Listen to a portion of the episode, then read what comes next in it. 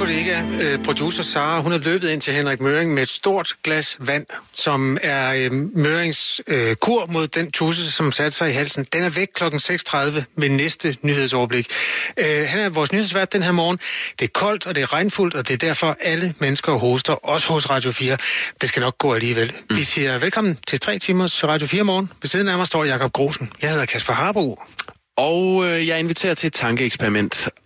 Over de seneste 25 år, Kasper, der har du stjålet 117 millioner skattekroner, mens du er ansat i uh, Socialstyrelsen. Ja. Hvis man dividerer 117 millioner i 25, altså 25 år, så giver det en årsløn på omkring uh, 4,7 millioner kroner. Ja, Den er pæn. Dividerer du det med 12, så er det en månedsløn på 390.000 kroner. okay. Ja. Dividerer du det i 30, så er du nede på en dagsløn på 13.000 kroner. Det er også væsentligt mere, end du tjener her. Ja, det er, det er lidt mere, ja. Ja, og det er altså hver dag gennem de seneste 25 år. Skattefri. Skattefrit Ja, 13.000 om dagen. Om dagen. om dagen Ja. Jamen, i 25 år. Hmm. Det kan du ikke engang vinde i uh, Viking Lotto. Nej, Ja, det, det kan du måske godt. der, findes ikke et, øh, der findes ikke sådan et specifikt skrabelod, der hedder vind 13.000 om dagen i 25.000 år, eller 25 år, for mig det var. Det er fantastisk. Ja, det er Britta Nielsen, vi taler om, selvfølgelig. Øhm, det, der er i den anden ende af det der eksperiment, det er selvfølgelig, at du bliver straffet med 6,5 års fængsel. Mm. Øh, og vi taler jo altså om det her, fordi det var den øh, dom, hun fik i går. Hun har siddet 15 måneder siden, hun blev varetægtsfængslet. De måneder bliver trukket fra de 6,5 år. Normalt kan man også få trukket noget fra, hvis man opfører sig ordentligt. Hun ligner bestemt en dame, der opfører sig ordentligt.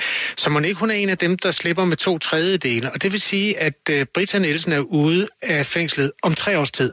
Ja. Anklagemyndigheden havde ønsket en straf på mellem øh, 8 og 12 år. De vil have en meget en historisk hård straf for det her, men de var umiddelbart øh, tilfredse alligevel med afgørelsen om øh, 6,5 års øh, fængsel, og de har 14 dage til at anke den her dom. Øh, flere politikere har kommenteret på, på dommen. Socialminister Astrid Krav har skrevet, øh, det er gjort tydeligt, at man ikke ustraffet kan stå bag den her form for svindel, til med en svindel rettet mod nogle af landets svageste borgere. Den her dom er et vigtigt forløbigt punktum i en forarvelig sag. Så hun Ja. er tilfreds. De står jo ikke tilbage for at kommentere, når de er enige, og heller ikke, når de er uenige. Peter Skorup, øh, han er gruppeformand i Dansk Folkeparti, og siger, blot 6,5 års fængsel til Britta Nielsen for at have svindlet den danske stat og de mest sårbare grupper i samfundet for over 100 millioner kroner. Det virker umiddelbart som en mild straf, øh, skriver øh, Peter Skorup, som også er retsordfører. Det er han også. Og vi vil gerne høre fra dig, der, øh, der lytter med. Altså, vil du sidde 6,5 år i fængsel med mulighed for at slippe tidligere for at få 117 millioner kroner og 25 fede år med penge? Det er tankeeksperimentet den her morgen. Øh, skriv ind på 1424. Begynd din besked med R4. Efterfulgt af din kommentar, så havner det lige i vores lille postkasse her i, øh, i studiet. Er der stemning for en dæmning? Ja, der er, ja, der er, ja, der er. er Det er der i, øh, Holstebro i hvert fald. For en dæmning? Ja, der er. Ja, der Det er der. Flere danske byer øh, har stemning lige nu, øh, fordi øh, de har været hårdt ramt af oversvømmelser. I Holstebro har man været værst ramt med en stor oversvømmelse i selve byen. Kommunen har egentlig en løsning på oversvømmelserne klar. En dæmning. Men det har Dansk Natur, eller Danmarks Naturfredningsforening klaget over. Det har forsinket løsningen, og det betyder nu vand i kælderen hos mange, der bor i Holstebro. Og vi skal snakke med begge parter i den sag. Er du berettiget til seniorpension, som blev indført 1. januar? Ved du overhovedet, at det her det findes? Hvad er seniorpension? Vil du ønske, at din kommune måske ville informere dig om, hvad det var, og om du er berettiget til at modtage det? Det synes man ikke, at man øh, skal i Stor Kommune, og øh, den historie dykker vi ned i senere. Og så skal vi også tale øh, om ikke med, men om en hest på hash. Og vi taler øh, med ejeren. Det er Gitte. Hun giver sin hest cannabis. Godmorgen. Der er tusindvis af unge på 15, 16, 17 år, der går rundt og spekulerer over, hvilket gymnasium de allerhelst vil gå på, når de skal den vej.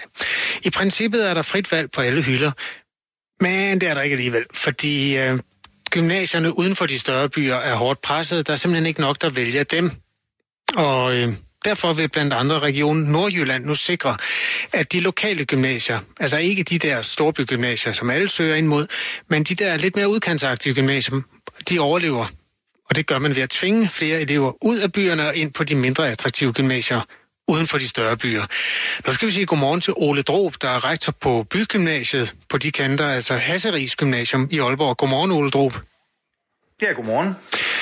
Du synes, det er en dårlig idé, at man tvinger eleverne ud på de lokale gymnasier. Hvorfor er du modstander af det, der er under opsejling her? Jeg er ikke modstander af som sådan, man tvinger nogen ud på øh, de små gymnasier. Jeg er modstander af, at man tvinger i det hele taget øh, folk til at bestemme, øh, vælge, vælge bestemte gymnasier. Altså, hvis man tvinger nogen til på grund af bopæl at vælge det gymnasie, der er nærmest, så indikerer man jo dermed, at det er i og for sig ligegyldigt, hvilket STX-gymnasium man går på. Og, og, og den præmis er jeg ikke enig i. Men øh, hvad er du så enig i? Jeg forstår til fulde øh, Region Nordjylland og andre regioners ønske om at, at hjælpe øh, de mere trængte gymnasier øh, derude. Men måden at gøre det på er ikke ved tvang, efter min mening. Det er, øh, det er ikke den rigtige måde at få folk til at gå på gymnasiet og sige, fordi dine forældre nu tilfældigvis er bosat her, så passer du bedst ind på det gymnasium. For mig at se, så må det være sådan, at, at det drejer sig om, at den unge finder det gymnasie, der passer bedst til sig, og ikke nødvendigvis bare skal gå på det gymnasium, man nu tilfældigvis øh, er bosat i nærheden af. Siden 2007, hvor vi fik selveje, mm. der har gymnasierne jo udviklet sig forskelligt. Det var hele pointen med selvejet. Det var jo, at man fik mulighed for at gå ind og fokusere forskelligt øh, på nogle andre ting. Vi har for eksempel en IB-uddannelse som det eneste gymnasie i Nordland. Og det betyder, at det er smittet af på STX med, at vi er meget internationalt globalt orienteret gymnasium. Så er der andre gymnasier, der har særlig fokus på idræt, musik osv. Og, og det kan jo være elever, der har nogle præferencer for de her ting. Du er jo øh, relativt privilegeret, fordi du er rektor på et bygymnasium, Hasseris Gymnasium, som der er rigtig mange, der gerne vil gå på. Og så er der nogle lokale samfund, som øh, har brug for en eller anden form for hjælp til at øh, holde på deres elever. Og det, altså, det er jo et faktum, hvis ikke man på en eller anden måde holder hånden under nogle lokale samfund, så risikerer vi, at de dør. Hvorfor er det, du ikke vil bakke op om det med, at man på en eller anden måde tager en beslutning på vegne af nogle elever?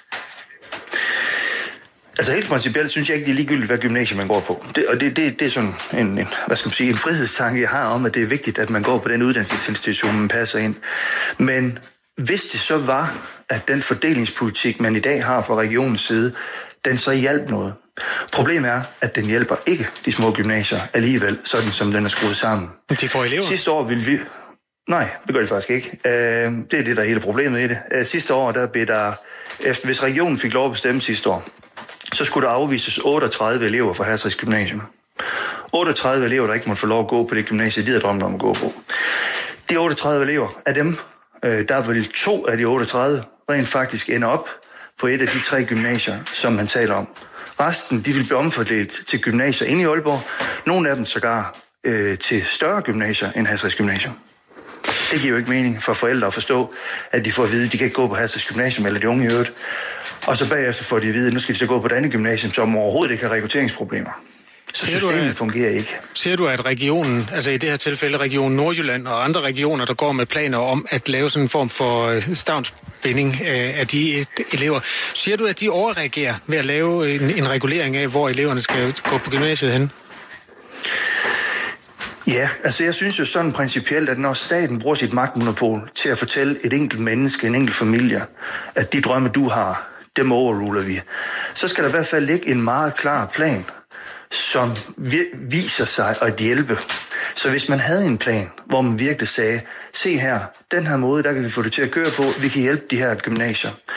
Men af de, som sagt, 38 elever, der skal afvises sidste år, så det, at jeg kan sende to videre, det betyder jo reelt, hvis vi virkelig skal til at sende klasser til de her gymnasier, jamen så skal der jo være flere hundrede elever på Hasrids Gymnasium, som skal afvises. Og det, det tror jeg nu heller ikke, regionen har, har ambitioner om. Så Problemet er, at vi ikke har et system, der virker. Vi kan ikke sende nogen til mors, uanset hvor mange elever de fjerner fra Astrid's Gymnasium, der er for lang afstand. Og, og man har ikke et system til det. Og så er det bare, at jeg går tilbage til den tanke om, at gymnasier ikke er ens. Hvis vi ikke kan finde et system, som minimum, der virker, jamen så må politikerne lade folk selv bestemme. Hver gang en gymnasieelev får sin studenterhue, tjener gymnasiet taxameterpenge. Hvor meget er der i det her for jer per elev? Det er klart, at, øh, at da man indfører selvstyret, man indfører et taxametersystem, så betyder det også noget, hvor mange elever man får ind øh, på sin skole. Øh, og der har man jo så også understøttet nogle af de små udkantsgymnasier ved at give dem noget ekstra. Og det synes jeg sådan set er en rigtig god politik. Det, øh, man bør gøre for politisk hold for at hjælpe de små øh, gymnasier, det er måske netop økonomisk støtte, når der er behov for det. Det er også busforbindelser. En af de ting, der virkelig har haltet i øh, Nordjylland i hvert fald, det har været øh, fornuftige busforbindelser ud til, til de her gymnasier, vi taler om. Det kan man hjælpe med. Men at sige til et, et ung menneske, at du passer bedst ind her, fordi du nu har adresse der, det gælder ikke i folkeskolen. I folkeskolen, der kan man selv, jeg har selv haft børn i folkeskolen, som er flyttet ud på den anden folkeskole. Alle andre ungdomsuddannelser i Danmark, der har man frit valg. Alle videregående uddannelser har frit valg, hvis man ellers er kvalificeret til at komme ind. Det er kun STX, hvor vi har en tvangsforanstaltning. Og det finder jeg ikke rimeligt over for de STX-elever. Hvor meget er der i det af penge for sådan en elev? Hvor meget er det værd en studenterhue, når I sender, sætter sådan en på et hoved? Jamen, vi får, altså, det, det kommer lidt an på, hvad for en elev, og hvordan, hvordan, hvordan det er gået, øh, mm. altså hvad for nogle valgfag man har taget osv. Så, så det er så lidt kompliceret størrelse. Det, det gælder om for et gymnasium, det er jo have så nogenlunde fyldte klasser, sådan at man, man, man får dækket den udgift, man har på lærerside, bygningsside osv., når man kører, og man ikke kører for mange små hold. Og det er lettere på en stor skole at køre med flere store hold, også af valghold osv., end der for små, indiskutabelt. Hvor mange penge? Og derfor kan man godt tale derfor kan man godt tale om regulering på den måde. Det er som om, du tramper lidt rundt, Ole. Kan jeg få det til at lige være en lille smule stille med, med baggrunden? Nå, undskyld. Ja. ja. Hvor, hvor mange penge er der i det, øh, sådan i gennemsnitsbetragtning? Jamen, jeg tror ikke, det er pengespørgsmål for mig, det her overhovedet. Altså, nej, nej, men det er også vi, bare for vi får, at få fakta på plads. Får... Vil du hjælpe os med sådan, uh, nogenlunde, hvor meget er en elev værd? Jamen, vi har et fast taxameter, og øh, jeg, jeg kan ikke alle tallene i hovedet. Vi har jo et grundtaxameter, så har vi et bygningstaxameter, så får nogle forskellige afslutningstaxameter efter, hvad A-fag de får. Men, og, og det får så økonomien på skolen som sådan til at hænge sammen samlet set. Øh, og, og det er, som jeg sagde før, også lettere på store skoler. Men det er stadigvæk ikke det, der er min pointe i, i, i mit oplæg. Det er ikke øh, det pengemæssigt, fordi hvis det er sådan, man føler, at der er nogen, der skal have ekstra hjælp, det har staten også tidligere gjort, mm. så er det fint at få, få hjulpet nogen der. Det er ikke det, der er pointen.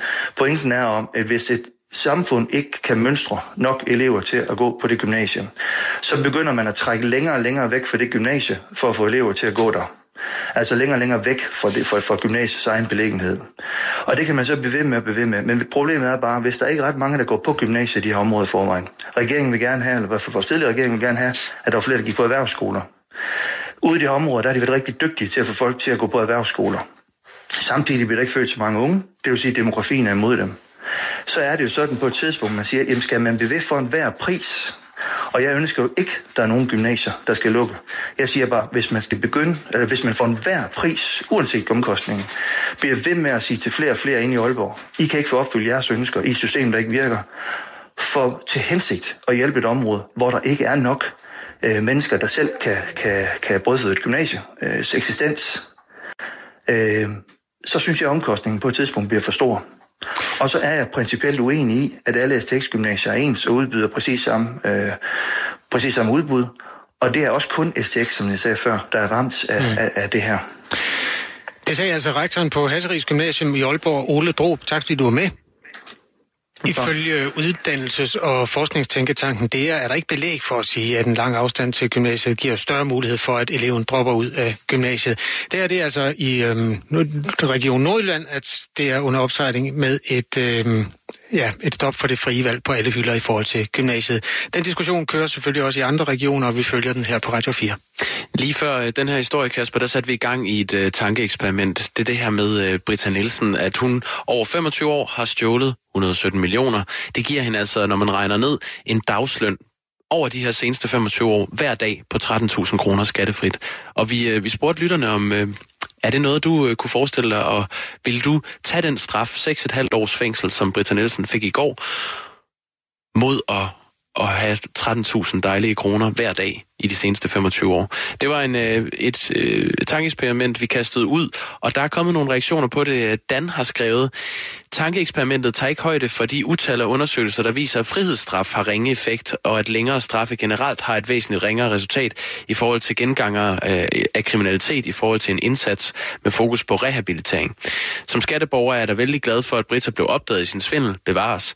Det måtte det gerne være blevet opdaget lidt før, Øhm, men at hun bliver frihedsstraffet har ingen indvirkning på min retfærdighedsfølelse. Jeg synes, frihedsstraffe i den form, de eksisterer i dag, er et forfejlet forsøg på at skabe retfærdighed frem for det, vi egentlig ønsker os, mindre kriminalitet og et sikrere samfund. Men det, der i virkeligheden var spørgsmålet, jeg synes, det er en god dyb sms, men det, der i virkeligheden også er spørgsmålet, det er, er det øh, straffen værd? Altså, var det, vil man tage 6,5 år bag træmmer, som måske munder ud i at blive nærmere på fire år, for en dagsløn på 13.000 kroner i 25 år? Det er det, vi også beder dig om at forholde dig til. Bare du hører Radio 4. Og hvis du har lyst til at svare på det, altså om du vil gå gennem de der fire år bag træmmer for en dagsløn, gennem 25 år på 13.000 kroner, og hvis du altså, har lyst til i det hele taget at spænde en ende over din holdning til den der store retssag, som der er sat punktum for nu, så skriver du en sms, der starter med R4 og et mellemrum, og så din øh, holdning til det her spørgsmål, og så sender du den til 1424. En hest på hash det er, øh, hvad der løber rundt på en mark i Skyum. Det er hesten Wendy. Uh, Wendy, den har gigt uh, og var tæt på at blive aflivet på grund af sine smerter. Men nu giver uh, Wendys ejer, Gitte Skriver, hesten cannabisolie, som egentlig er ulovligt at, at give til, til dyr. Uh, godmorgen, Gitte Skriver. Godmorgen.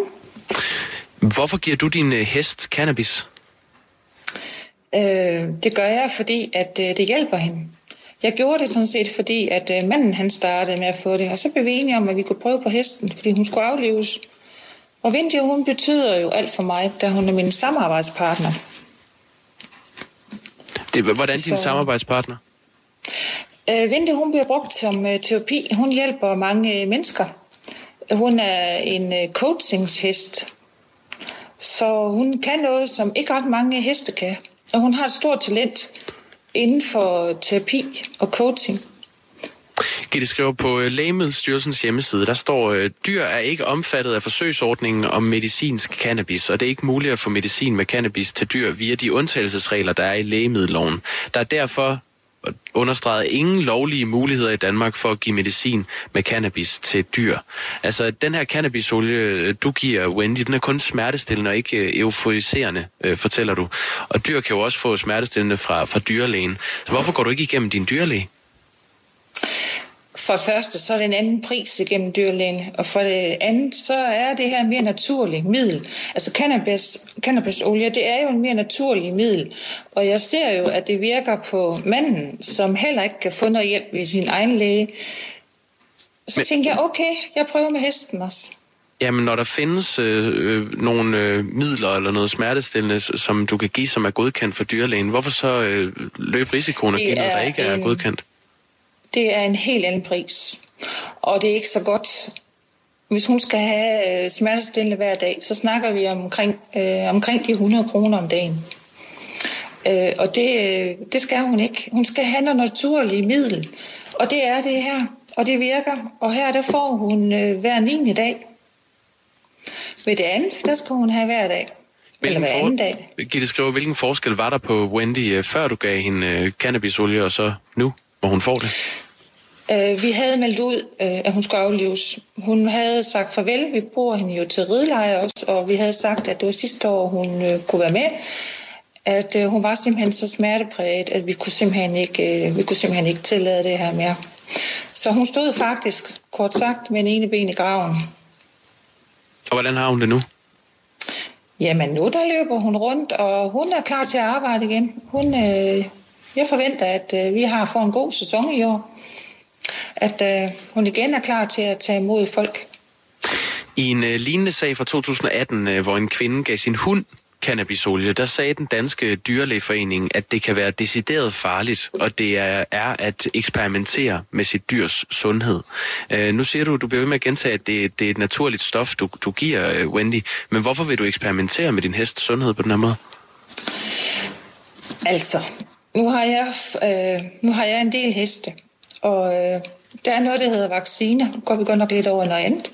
Jeg har, hver gang min hest den får den lovlige vaccine, så er den syg 3-4 dage efter.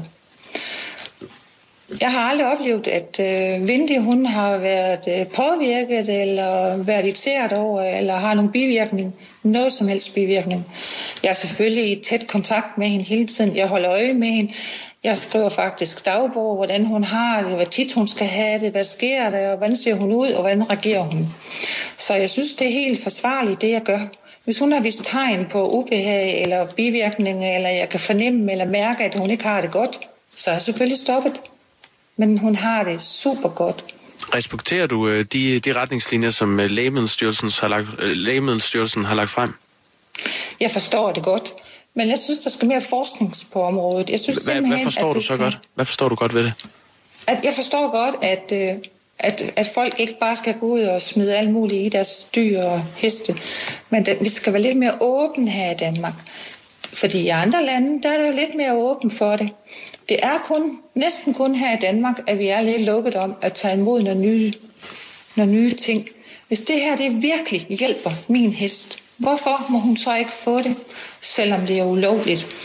Men øh, din hest kan jo ikke sige ja eller nej, øh, når du giver den cannabis, og, og du er ikke øh, dyrlæge. Hvad, hvad siger din øh, dyrlæge til det her? Han har, han, jeg tror, mine dyrlæger, de synes, det er okay. Øh, jeg tror ikke lige, du har forsket nok i, hvem jeg er. Øh, jeg snakker jo med dyr. Altså, jeg bruger jo telepati. Så Vindy og mig, vi arbejder jo sammen. Når vi arbejder sammen med coach, så er det fordi, vi kan snakke sammen. Jeg har en særlig, særlig tæt kontakt til Vindy. Så Vindy og mig, vi kan faktisk kommunikere sammen. Okay, hvad fortæller Wendy dig om de her dråber? Jamen, altså hun fortæller jo, at hun har det fået det meget bedre. Hun viser det jo også øh, omgivelserne. Hun er jo livsglad. Hun har fået gnist i øjnene igen. Men når der nu er de her retningslinjer, Gitte skriver, øhm, det er jo noget, jeg er helt sikker på, at, at du har en oplevelse af, at du kan tale med din hest. Der er nok nogen, der vil sige, at det, det tror man ikke, at du kan. Så når du alligevel vælger at gøre det, og du går imod de, øh, de retningslinjer, der er, og du kunne finde noget smertestillende, som var godkendt til din hest, vil det så ikke være bedre at gøre? Noget smertestillende? Nej, fordi jeg har haft nogle heste på smertestillende øh, igennem dyrlægen, og jeg synes, nogle af dem, de bliver simpelthen så sløve af det. Men de bliver jo ikke sløv af det her. Hun, øh, hun, hun øh, kvikker jo op og får det bedre på en mere naturlig måde. Hun bliver mere hendes gamle Vindy igen. Så derfor vil jeg nok blive ved med at bruge det til Vindy. Og selvfølgelig vil jeg sige, lad nu være med at bare gå ud og bruge det, bare sådan løs på dyrene. Det er ikke det, jeg siger. Jeg siger bare, at jeg tager ansvar for mit dyr. Jeg tager ansvar for Vindy og hendes liv. Men det, det kan alle jo sige, at de gør med deres dyr. Tager ansvar. Det kan de. Men øh, jeg kan gøre det med god samvittighed, fordi jeg dokumenterer hele tiden, hvordan har hun det. Hvad sker der i hendes krop? Hvad, hvad føler hun? Jeg kan se det at dag til dag, fra måned til måned, hvordan hun bliver en 20-årig gammel hest, som ikke kunne gå så meget som et skridt, nu kan springe igen, løbe rundt og have det rigtig, rigtig godt. Det var totalt godt at høre. Tak fordi du var med her, Gitte Skriver. Selv tak. Helt Wendy. Det skal jeg gøre. Der er kommet en sms fra en lytter, der skriver, hvis Nima Samani må give sin hamster hash, så må Gitte vel også give sin hest cannabisolie. Google det! Og der er nogle øh, præmisser i den sms, som jeg ikke er helt med på.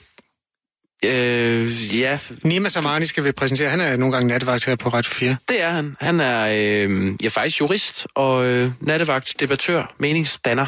Hamster ejer åbenbart, Det er jeg ikke klar over. og han giver sin hamster hash. Jeg kender ikke den konkrete historie. Nej, det er enormt det er kompliceret at gå ind i. Nå, øh, der er også en, der skriver, at øh, på en bestemt hjemmeside kan man købe cannabisolie for 19 kroner per flaske. Ja, nu siger du på en bestemt hjemmeside. Der står faktisk hjemmesiden Wish, og det er jo måske en af de mest obskure øh, handelspladser på internettet. Det er en kinesisk side. Du kan købe alt på Wish, og det, alting koster under 19 kroner. Okay, Ja. det, øh, det var Men derfor, så- jeg faktisk gik lidt forsigtigt til den, fordi jeg var ikke helt sikker på, om det var en anbefaling, man skulle komme med. Nej, der er, der er mange sjove ting derinde. Jamen, øh, spørgsmålet er, om ikke vi skal sige, på den anden side af nyhederne, der går vi ombord i øh, seniorpension, vi går ombord i Brita-sagen, vi går også ombord i diskussionen om, hvorvidt Danmarks Naturfredningsforening er på det gode eller det onde side i forhold til oversvømmelserne. Mm. Alt det skal vi øh, tale om, når vi lige har hørt fra Henrik Møring. Jeg håber, du har fået tusind ud af halsen, Henrik. Ja, måske. Jeg håber jeg også. Vi skyder dig lige i gang her. Fem spændende minutter forud.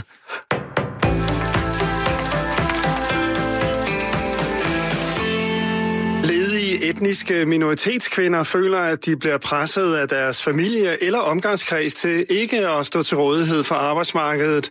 I en undersøgelse blandt jobcentermedarbejdere i København svarer hver tredje, at vedkommende inden for det seneste år har mødt etniske minoritetskvinder, som direkte har givet udtryk for et sådan pres. Det skriver Berlinske. Det kan eksempelvis være en ægtefælle, der har presset på for at komme med til samtaler på jobcentret. De ansatte oplever også, at kvinderne føler sig tvunget til ikke at tage job, hvor de skal arbejde med mænd.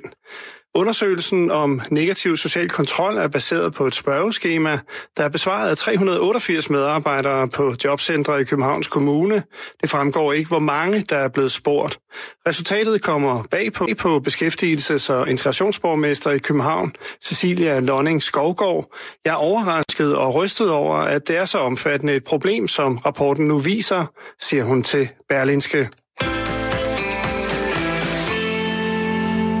Antallet af udlændinge, der kommer til Danmark for at arbejde, er bremset op. Det gælder ikke mindst EU-borgere. I de sidste ni måneder af 2019 kom der netto ingen EU-borgere til landet, skriver børsen. Over de seneste år har der været en stor tilstrømning af udenlandsk arbejdskraft. Det vil sige, at der i dag er 290.000 udlændinge på det danske arbejdsmarked. Men nu er tilstrømningen altså bremset op. I 2019 kom der knap 10.000 nye udlændinge ind på arbejdsmarkedet. Det er et fald fra året før, hvor tallet var ca. 17.000. Udviklingen er bekymrende, mener Niklas Præfke, der er cheføkonom i ledernes hovedorganisation. Hvis udviklingen nu vender, så vi decideret mister udenlandsk arbejdskraft, kan det blive en meget alvorlig maveplasker for dansk økonomi, siger han til avisen.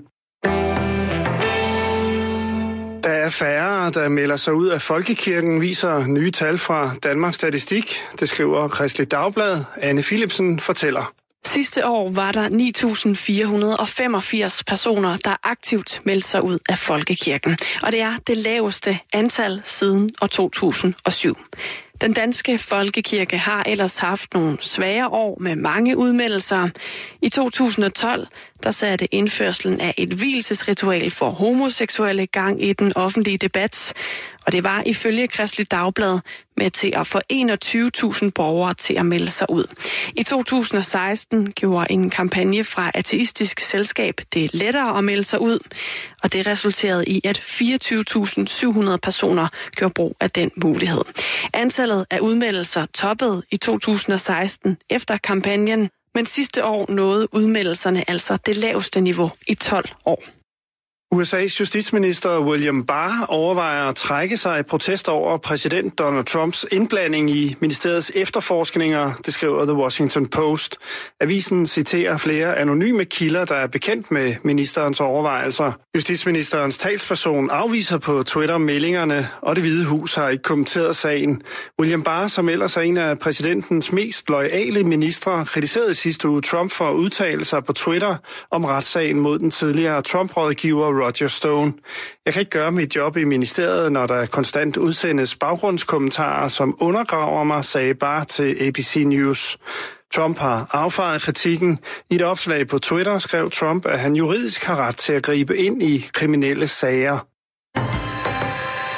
Fortsat byer mange steder, men også perioder med lidt sol, 5-7 grader og lidt til frisk vind omkring vest.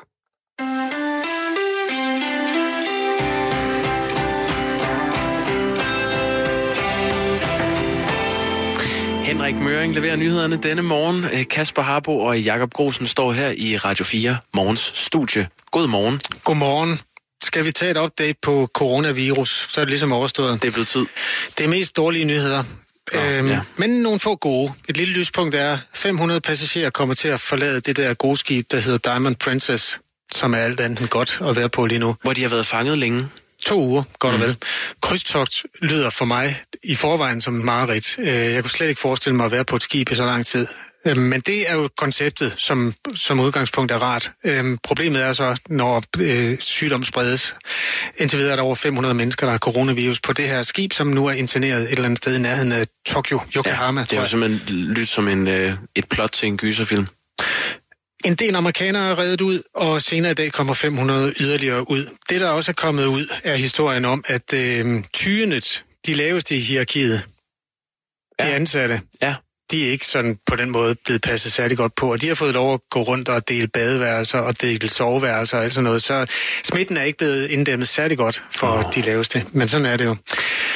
Ja, øh, når vi er i den onde del af historien, der er over 2.000 kinesere nu, der er døde af den her frygtelige sygdom. Langt de fleste er døde i den by, hvor det hele begyndte. Wuhan, det er en kæmpe tragedie, og der er uden tvivl øh, ikke særlig rart at være i den afspærrede by.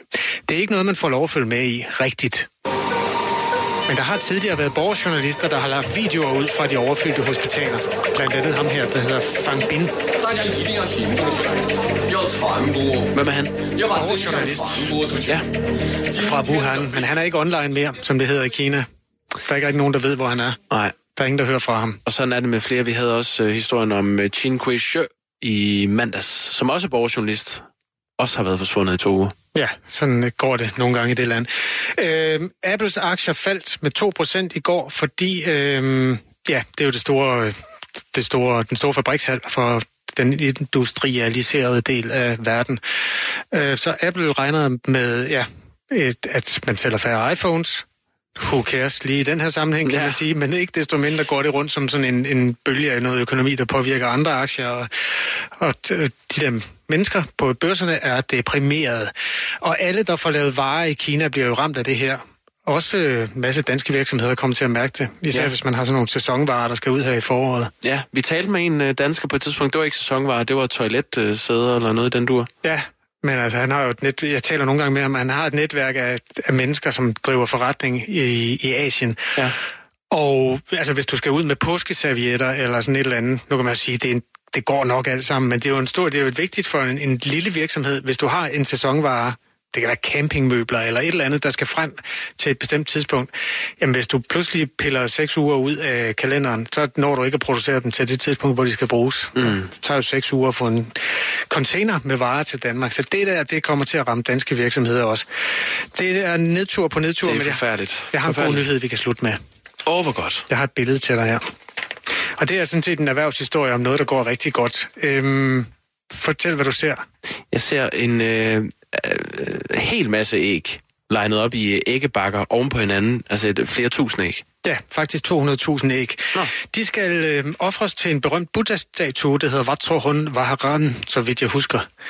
Ikke så langt fra Bangkok. Ja. Øhm, det er en kinesisk forretningsmand, der har fået den idé at ofre 200.000 æg til Buddhaen. For at komme coronavirusen til livs? Fuldstændig. Den her Buddha-statue har tidligere ramt, øh, eller ikke ramt, men hjulpet. Manden, han hedder Shang Xiao. Øh, Xiao, det lyder som noget, jeg finder på, men det hedder han rent ja. faktisk. Øh, hans datter gik hen til den her statue og bad om at blive gravid, og det lykkedes. Så der jeg går ud fra, øh, hun er... Ja, men altså, hun, hun kunne ikke blive frugtsomlig, og det lykkedes så efter, at hun har frekventeret statuen. Og derfor går den her mand nu hen og offrer 200.000 æg. Det bliver godt vejr i morgen. Ja, det Jamen, det. Øh, det var da en opløftende nyhed. Ja, corona Alle er... må gøre, hvad de kan. Alle, lige præcis. Vi løfter i flok.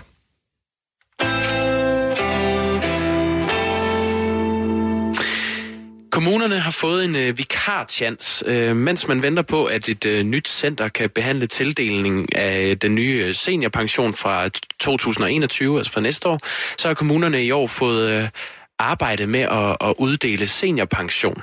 Nu kan vi sige godmorgen til øh, John Christoffersen. Godmorgen. Godmorgen. Det er tidligt så undskyld min rustende stemme. Jamen, øh, ved du at du er alt, alt for lat, men øh, der er lidt, ja, er lidt grynet forbindelse. Kan du svinge telefonen øh, over hovedet, mens jeg lige øh, præsenterer dig i radioen? Øh, ja, det tror jeg. Jeg prøver. Det er umiddelbart bedre, John Christoffersen. Socialdemokratisk øh, udvalgsformand i uh, Social-, Sundheds- og Arbejdsmarkedsudvalget og viceborgmester i Struer Kommune. Uh, den her seniorpension, som kommunerne skal uh, stå for at, at administrere i, uh, i 2020, altså i det her år, uh, ja. det er en aftale om, om tidligere pension for nedslidte, som den tidligere regering, uh, VLAG-regeringen, Dansk Folkeparti og Radikale Venstre står bag.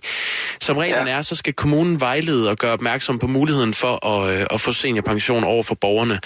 Og øh, alligevel så har du sagt til øh, Dagbladet Holstebro Struer, at øh, seniorpensionen ikke umiddelbart er en mulighed, som Struer Kommune vil gøre noget aktivt for at gøre opmærksom på. Hvorfor siger du det, John Christoffersen? Altså, så skal du nok måske lige kende spørgsmålet øh, for mit svar. Det, jeg blev spurgt om, øh, om vi nu aktivt vil gå ud og lede efter de borgere, som måtte opfylde kravene. Og øh, med de krav, der er, så tror jeg, det er lidt svært at lige øh, finde målgruppen. Øh, så, så, så det er det, jeg mener med, at vi, vi jeg synes måske ikke, vi, vi aktivt på nogen måde kan gå ud og, og finde de borgere. Men vil I Altså, aktivt det- gøre en indsats for at gøre opmærksom på, at det er en mulighed?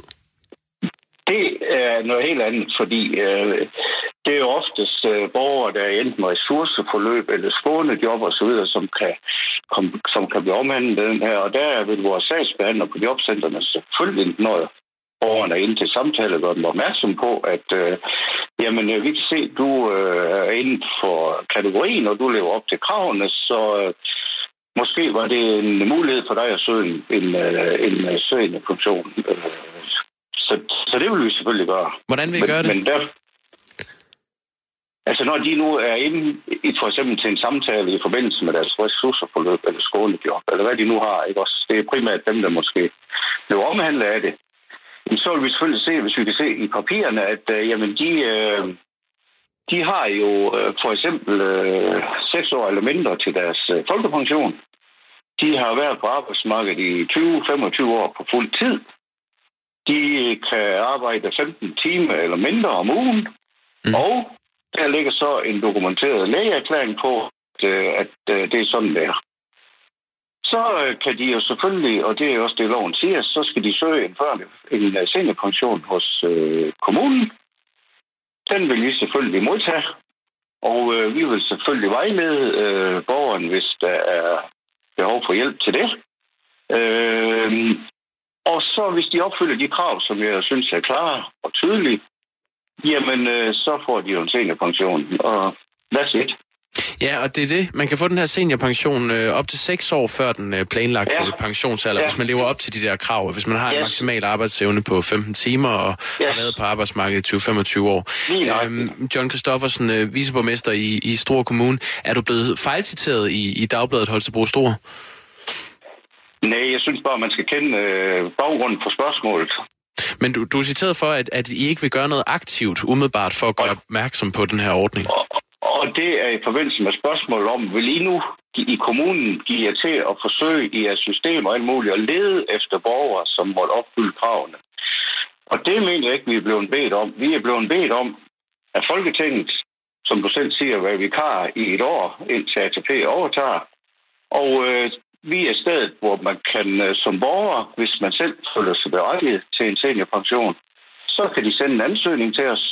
Vi kan vejlede, og hvis de opfylder kravene, så får de en seniorpension. Ifølge den øh, skriftlige vejledning fra ministeriet om seniorpensionsordningen, så skal vejledningen om seniorpension gives øh, før ansøgningen, ved ansøgning, under ansøgning og ved afgørelsen. Så I skal, ja. I skal give borgerne information om, at det her det er en mulighed, hvis man lever op til de her kriterier. Vil I gøre det, inden de har sendt en ansøgning? Det vil vi. De mennesker, der vi kommer i kontakt med, som vi har i systemet, som Hvordan? jeg nævnte tidligere. Jamen, hvor, hvor er det, man kan få noget information om det hen så? Det kan man på jobcentret. Ikke andre steder? Jamen, jo, borgerne kan jo få, altså, Folketinget har jo vedtaget en lov, som har været i pressen. Det ligger på borger.dk, det ligger på ældresagen, det ligger i seniorhåndbog og så videre, så borgerne er informeret om, at der findes noget, der hedder seniorpension. Og hvis borgeren personligt kan se sig selv ind i, at øh, man lever op til de krav, og man gerne vil have en seniorpension, så er de selvfølgelig velkommen til at henvende sig med en ansøgning, og den vil vi selvfølgelig behandle og øh, tildele den. Øh, ja, Ja, der, der står i den her skriftlige vejledning fra ministeriet, at, det også, øh, at, at vejledningen også skal gives før ansøgning. For hvis man kan jo ikke vide, om man skal ansøge om det, hvis man ikke kender ordningen. Er det noget, Nej, I informerer det var om lige- på jeres det hjemmeside? var... Nej, det har vi ikke tænkt os.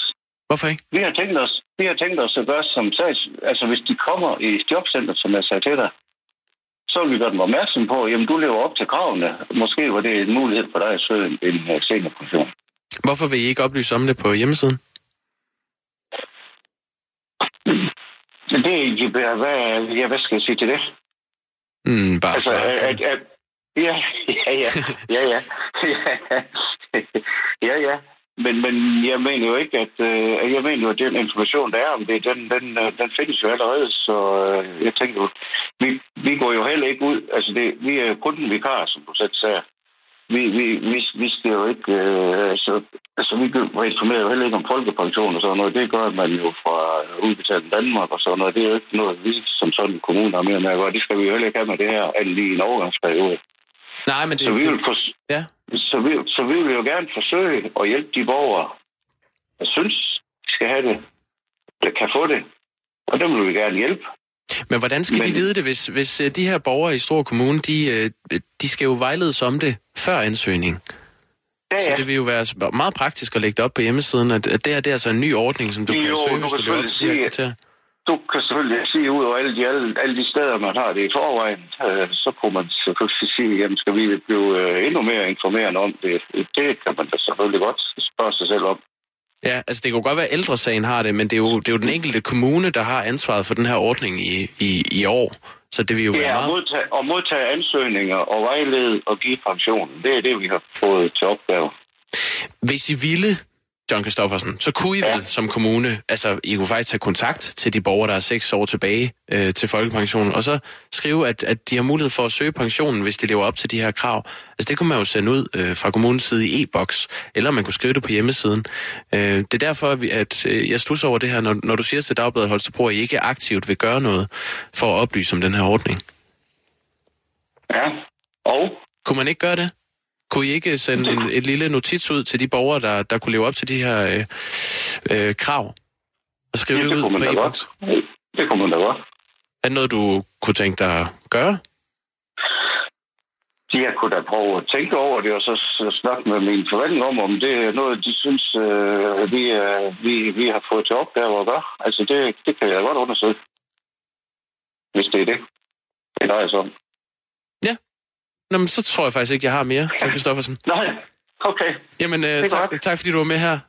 Ja, velbekomme. Socialdemokratisk øh, viceborgmester fra Stor Kommune. Og med det blev klokken 14 minutter i syv. Til kendes for ret tiltalte Anna Britta Trosgaard Nielsen straffes med fængsel i 6 år og 6 måneder. 6,5 år, det var den straf. Brita Nielsen, det er i hvert fald det, vi kalder hende øh, her i folkemundene. Øh, det var den straf, hun fik i går eftermiddags for svindel i millionklassen. Noget, hun gennemførte over 25 stormfulde år via sit job i Socialstyrelsen. Hun blev dømt efter tiltalen, der lød på svindel for omkring 117 millioner kroner. Øhm, omkring 300 gange overførte hun penge fra Socialstyrelsen til sig selv. Og retten lagde jo så også vægt på beløbets størrelse, og at der i øvrigt var tale om ikke bare én forbrydelse, men 298 overførsler og dermed 298 forbrydelser. Vi har tidligere spurgt øh, dig, der lytter med i Radio 4 morgen, om du kunne have lyst til at øh, stå 6,5 år i fængsel igennem for en dagsløn på 13.000 kroner. Det bliver det nemlig, hvis man dividerer de 117 øh, millioner kroner ud på 25 år. Og der er faktisk kommet en sms til det. Øh, hvis man er ung, kan det godt betale sig at sidde 3-4 år for over 100 millioner. Øh, særligt når man tænker på de luksushoteller, vores fængsler er. Man kan komme hjem på weekend, så er der kun fem dage om ugen, og så ser regnestykket lidt anderledes ud. Det er Jens, der skriver på den. Husk, at du er velkommen til at kommentere det, du hører i Radio 4 morgen. Det er ved at skrive R4 først, og et øh, mellemrum, og så din besked. Det kan være en holdning, en rygmavsreaktion på det, der nu er punktum i den største svindelsag, mange kan huske i den danske offentlige forvaltning. Øhm, du skriver altså R4, et mellemrum, og så din besked, og så sender du den til 1424. Vi kan sige godmorgen til Jonas Skov Nielsen, som er Ekstrabladets retsreporter og har fulgt Brita-sagen rigtig tæt øh, fra start til slut. Godmorgen. Godmorgen. Hvad skete der ved domsafsigelsen i går, udover det, vi lige hørte i klippet for lidt siden? Jamen, der skete jo det, at øh, Brita Nielsen hun blev erkendt skyldig i samtlige anklager, som, øh, som anklagemyndigheden de, øh, krævede hende øh, skyldig i. Men der skete jo så også det, at øh, anklagemyndigheden de ikke øh, formåede at fik sat den her øh, historiske fængselsstraf på op til 8 års fængsel øh, i spil. Og, øh, og det var måske i virkeligheden det mest opsigtsvægtende, øh, hvis man skal kigge på, øh, på det, der skete i går. Den er ikke blevet anket. Hvorfor ikke? Jamen altså, den er ikke blevet anket fra Britta Nielsen og hendes forsvars side, fordi at de er ganske godt tilfredse med den her dom. Forsvaren havde på forhånd øh, sagt, at Britta Nielsen skulle have mellem 4 til 6 års fængsel. Øh, det blev så lige et halvt år oveni, men man havde slåsset rigtig meget og kæmpet rigtig meget for, at Britta Nielsen ikke skulle få Danmarks historiens hårdeste fængselsstraf for økonomisk kriminalitet, som ville være det her over 8 års fængsel. På den anden side, så Øh, er det ud fra, hvad kan man sige, de argumenter, anklagemyndigheden har haft om, at den her sag, den er så grov, øh, at, øh, at man ville bringe den her særlige paragraf 88 i spil, som kunne øge fængselsstraffen med fra 8 og så helt op til 12 års fængsel. Og der må man sige, at det er en spand koldt vand i hovedet på anklagemyndigheden. Men i går, der havde de lidt svært ved at finde en rigtig grimasse, da de kom ud fra retten, fordi de blev ved med at argumentere for, at de to øh, anklager, at, øh, at det faktisk var en rigtig, rigtig god dom, og de var rigtig tilfredse. Øh, og det var primært, fordi hun var blevet kendt skyldig i samtlige anklager. Øh, men de ville ikke øh, på det tidspunkt sige, om den var blevet, om de ville anke den eller ej. De udbad sig noget betingningstid, og det, det er de jo i deres gode ret til. Hvad er der ellers at løse ender af den her sag? Fordi der er jo nogle familiemedlemmer, der også har været under lup fra øh, politiets side. Ja, men altså man kan sige, at Britta Nielsens egen sag, det er jo den første helt store sag i det her sagskompleks. Men der er jo også øh, faktisk øh, tre øh, sager om Øh, faktisk fire sager om, om øh, hæleri af særlig grov beskaffenhed. Og det er de tre sager mod øh, Britta Nielsens børn, der tilsammen er, er øh, her for nylig blevet tiltalt for at at have modtaget uretmæssigt 50 millioner kroner, som de ifølge anklagemyndighedens opfattelse burde have have vidst kom fra øh, øh, den økonomiske kriminalitet, som Britta Nielsen nu er, er dømt for at have begået. Og så er der også en sag mod øh, Britta Nielsens svigersøn, øh, som, øh, som også er sigtet for at have modtaget nogle af de her penge, og burde have vist, øh, at de ikke kom fra, hvad kan man sige, øh, lovlige øh, forhold. Britta Nielsens forsvarsadvokat, han hedder Nima Nabipur, og han lagde vægt på, at det var en familieomstændighed, omstændighed, at det var så nemt for hende at snyde. Har det været fremme i sagen, at myndighederne har svigtet? Jamen altså, der er jo blevet lavet nogle advokatundersøgelser, øh, både og, og øh, hvad hedder det, øh, re, re, øh, revisorundersøgelser, PVC og kammeradvokaten har været ude. Øhm, og her, der kalder de det for en, en nedarvet systemsvaghed, og det er jo en øh, for udforstående en, en meget svag definition af det. Øh, de ligger jo skylden på, at, at sådan har det altid været, og det er noget, øh, man, man bare har gjort, som man tidligere har gjort, og det er derfor, at der har kunne opstå den her svindel så længe. Så på den måde er der jo ikke rigtig nogen, der er blevet stillet til ansvar for det her, heller ikke på ledelsesmæssigt plan, og det kan man da godt stille sine spørgsmålstegn ved, om det nu også kan være, øh, kan være acceptabelt for, for den brede offentlighed, og det er da også noget, vi har forsøgt at kigge på, øh, uden dog at have fundet en, en, en smoking gun som sådan. Jeg kan sige, at vi har en smoking lytter, der hedder Tommy, der har skrevet en sms, hvor der står, at Socialstyrelsen slap der for straf. Skulle de ikke have en straf for sløseri og udulighed? Jo, det kan man jo godt argumentere for, og det øh, som følger af sagen, øh, synes jeg også, der er nogle løse ender i forhold til, om der ikke er nogen af de her chefer, øh, både mellemledere for Britta Nielsen, men også øh, måske kontorcheferne i, i både nuværende og tidligere i, øh, i Socialstyrelsen, som, øh, som ikke burde måske skulle, skulle kigge sig selv i spejlet, og om ikke andet øh, have lidt dårlig smag i munden, fordi det er jo blandt andet kommet frem i retten, at øh, Britta Nielsen via sin, øh, sin øh, hvad hedder det, afdelingschef, altså hun bare kunne låne stemplerne, så hun kunne skrive under på hans vegne, øh, for at kunne køre nogle af de her penge ud, øh, at der var sådan en carte blanche til de ansatte, at man bare stolede på dem blindt. Der har jo også været øh, nogle, nogle øh, mildstalt grove bemærkninger i Rigsrevisionens rapporter omkring, hvordan man gjorde tingene i Socialstyrelsen, som man heller ikke rigtig har fået fuldt op på. Så, og, og det ansvar ligger jo helt op på, på et, på et højere plan øh, af ledelse i, øh, i Socialstyrelsen. Så, så der er jo nogle række ting, som, øh, som, som ser lidt skidt ud, når man kigger på det også efterfølgende, og når man ser, at det, at det til synligheden kun er Britta Nielsen, der bliver straffet for det her. Tak skal du have, Jonas Skov Nielsen. Selv tak. Retsreporter for Ekstrabladet. Øh, Britta Nielsen ønsker ikke at anke dom. Som sagt, anklagemyndigheden har to uger til at vurdere, om de vil anke. Og sker det ikke, jamen så slutter den her. Det, som vi lærte at kende som Britta-sagen, den begyndte den 9. oktober 2018 og sluttede altså formentlig i går. Har man sørget for, at Brita N. kun får en almindelig folkepension, når hun forlader fængslet, eller har hun tjenestemands og øvrige fede pensioner? Er der en lytter, der spørger? Det er et godt spørgsmål. Den kylder vi ud til Sara, vores producer. Hun har alligevel ikke ret meget at lave. Hun kan lige undersøge Britas pensionsforhold imens. Øhm, ja, husk, du kan kommentere også gerne på, om du synes, retfærdigheden øh, hænger sammen, når man taler om 6,5 år forsvinden i den her størrelsesorden. R4 ja. et mellemrum, og så er afsted til 1424. Flere dages regn har betydet, at øh, oversvømmelser har plaget øh, blandt øh, andet flere jyske byer de seneste dage. Holstebro har været værst ramt, fordi Storåen, der går igennem byen, igen og igen og igen er gået over sine bredder og har lagt øh, mange kældre og veje og butikker øh, under vand. Nu kan vi sige godmorgen til øh, H.C. Østerby. Godmorgen, H.C. Østerby. Ja, godmorgen. Godmorgen til dig. Skru lige lidt mere op for dig. Du er borgmester fra Socialdemokratiet i Holstebro Kommune. Mens ja. dine borgere sopper rundt i vand, så har I jo faktisk en løsning på det her problem. Ja, vi arbejder på en løsning her de sidste fire år siden 2016. Uh, som du selv siger, at uh, det er jo blevet tiltagende med det her, uh, hvad, hvad det både vejr og mere vand. Og, og det vil sige, at vi, er, vi, har, vi har lavet et, et projekt, som ligger klar nu, uh, om at bygge en dæmning det, der hedder opstrøms øh, uden for byen, øh, som gør, at øh, den dag, hvor vi for eksempel får en rigtig slem hændelse, som eksempelvis nu, øh, så kan vi øh, øh, afvande et stort område, så, så vi ikke får så meget vand ned gennem byen. Ja, så skal og det ledes med... Øh, ud på marker i stedet for ind til ja, byen. Ja, vi, vi, simpelthen, vi simpelthen laver aftaler med, med rigtig mange landmænd om, at, den, at, at, når det sker, så har vi en, en aftale med dem om en, en kompensation, så vi må bruge deres marker. I fik godkendt det her projekt før 2016. Øh, pengene er der, og alligevel så er I ja. ikke gået i gang med at bygge nu. Hvorfor er I ikke det? Nej.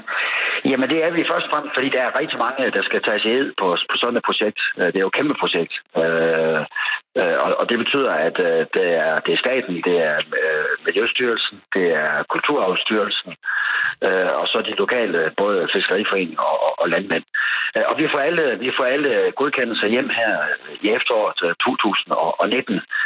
Og så har vi det ene problem, som er faktisk ret stort, det er, at Danmarks Naturfredningsforening fastholder, at de vil lave en indsigelse, når vi byder projektet ud til, til, til dem, der skal bygge øh, eksempelvis øh, den, den nye dæmning. Mm. Danmarks Naturfredningsforening de skriver i deres øh, høringssvar til Holstebro Kommunes øh, bud med at bygge en dæmning, at øh, en 5 meter høj dæmning tværs over en relativt intakt ådal er et skred i den rådende praksis og forståelse for dansk naturforvaltning. Øh, den her dæmning den vil koste 45 millioner kroner. Det er øh, vestforsyning. Øh, de skal betale for dæmningerne, og det sker med penge, som borgerne øh, betaler for vandafledning. Det er jo ikke ja. første gang, at vi ser, at, at én klage forsinker et stort øh, miljøprojekt. Det skete også i efteråret ved Lønstrup, hvor stranden skulle øh, sandfodres for at beskytte kysten. Og det blev forsinket ja. i tre måneder. Øh, der har også været en sag om kystsikring ved Jyllinge Nordmark på Sjælland, øh, og i den sag der bremsede enkelte klager et større projekt, der skulle sikre øh, Jyllinge Nordmark mod øh, oversvømmelser. Så øh, hos øh, Østerby, imens I skændes med, med Danmarks Naturfredningsforening, så oplever borgerne jo igen og igen, at deres huse kommer til at stå under vand. Øh, hvorfor finder I ikke en anden løsning end den her dæmning? Jamen, fordi det her det er gennemarbejdet uh, i, uh, i fire år. Det er lavet en kæmpe rapport. Uh, vi har haft de bedste eksperter til at se, hvad er det for løsninger, der vil afhjælpe det her problem. Det, I skal forstå, det er, at vi skal kan undgå at det, der kaldes en 100-års hændelse, som vi havde tilbage i 1970. Hvis der kommer en 100-års hændelse, det, det betyder altså, at de fire gange, gange vandkraftsøens uh, vand, vi har, altså, den er 70 hektar stor, så der, fire gange den mængde vand, den indeholder vel strømme igennem byen. Uh, og det vil sige, at den vil oversvømme noget, der ligner godt 750 ejendomme i Astro Midtby, og værdier over 4 milliarder. Og det er jo det, vi, øh, vi har sagt til øh, Danmarks Naturforening, at, at det er det, vi skal sætte op mod, at, øh, at, at, for, at vi snakker måske et par blomster, så vi skal erstatte med den sårbare natur i Ådalen, hvor der i forvejen er en motorvej, der går hen over Ådalen, og der, og, og der, der er master til højspændingsledninger, så der vil falde fuld ind i det her. Og vi snakker ikke om, at man, man bygger en stor 5 meter dæmning, der bare ligger som rå beton. Den bliver jo beklædt med græs, der bliver fagnepassage til dyr og vildt osv. Så, videre. så, så, så vi er for øjeblikket, der må vi sige, at, at, øh, øh lokalafdelingen af DN i Hostro har rigtig, rigtig stor magt. øh, og øh, jeg har en gang kontaktet ministeren, og det kommer jeg til igen, for at sige, kan det virkelig have sin rigtighed? Vi har et EU-direktiv, der fortæller, at Holstebro skal, skal foretage sig øh, noget omkring Storåen, fordi den, øh, den, øh, den, er, den giver så voldsomme problemer, og dermed øh, også er til fare for, for, for de mange ejendomme. Men i mellemtiden, der, der mener Danmarks Naturfredningsforening, altså at det her det er et, et skred i den rødende praksis og i forståelsen af, hvordan man skal øh, forvalte den danske natur. Øh, og i sidste ende, så går det her jo, jo ud over øh, borgerne. Hvor, hvor frustreret er du over det? Jamen, jeg er vanvittigt frustreret, øh, og, og vi, vi har... Øh, øh, vi har sagt, at det, at det er, virkelig, er virkelig rigtigt, at vi kan, vi kan, have, øh, vi kan have en forening, som, øh, som på den måde, en privat forening, der på den måde kan, kan øh, øh, sætte så meget på spil, som vi snakker her. Altså, det, det er jo frustration blandt alle de borgere, som bliver udsat ikke mindst, men det er jo kæmpe værdier, hvis den, når det store det store bang, det kommer, og det ved vi, det gør. Den 100 cent, så den kommer på et eller andet tidspunkt. Men man kunne jo også Så vende rundt øh, hos Østerby og så sige, jamen så, så må I jo finde en alternativ plan, som ikke ødelægger naturen. Nej, nej, nej, vi kan ikke finde en alternativ plan, som, som kan løse det her, og som Dansk Naturfredningsforening vil, vil se god for. Øh, det vi bare skal forstå, det er, at den, øh, den ådal, som de, som de gerne vil beskytte i forhold til den, øh, det vand, der står, den, er, den ligner i dag en kæmpe sø, der er ingen, der kan se åen, fordi så meget vand er der jo i, for alle i vores områder. Så, så du kunne godt høre, at jeg er ikke sådan øh, på, på, på den bedste fod med, med, med Danmarks Naturfredningsforening. Jeg synes, det er fantastisk, at en organisation på den måde kan blokere. Og jeg tænker, at man på Christiansborg skal til at tænke anderledes omkring det her, fordi vi er gået mod nye tider, hvor, hvor, hvor det her det ikke er, er, bliver enstående. Det var ordene fra H.C. Østerby, borgmester i Holstebro. Tak fordi du var med her. Ja, selv tak. På den anden side af nyhederne, som Henrik Møring står klar med, så skal vi blandt andet øh, høre om en demonstration, hvor Rasmus Paludans øh, øh, håndgangne mænd fra øh, Stram Kurs var på kant med en begravelse. Det foregik i Københavns Nordvestkvarter. Mere om den sag efter nyhederne, som kommer nu. Klokken er syv. Her er nyhederne på Radio 4 med Henrik Møring. Ledige etniske minoriteter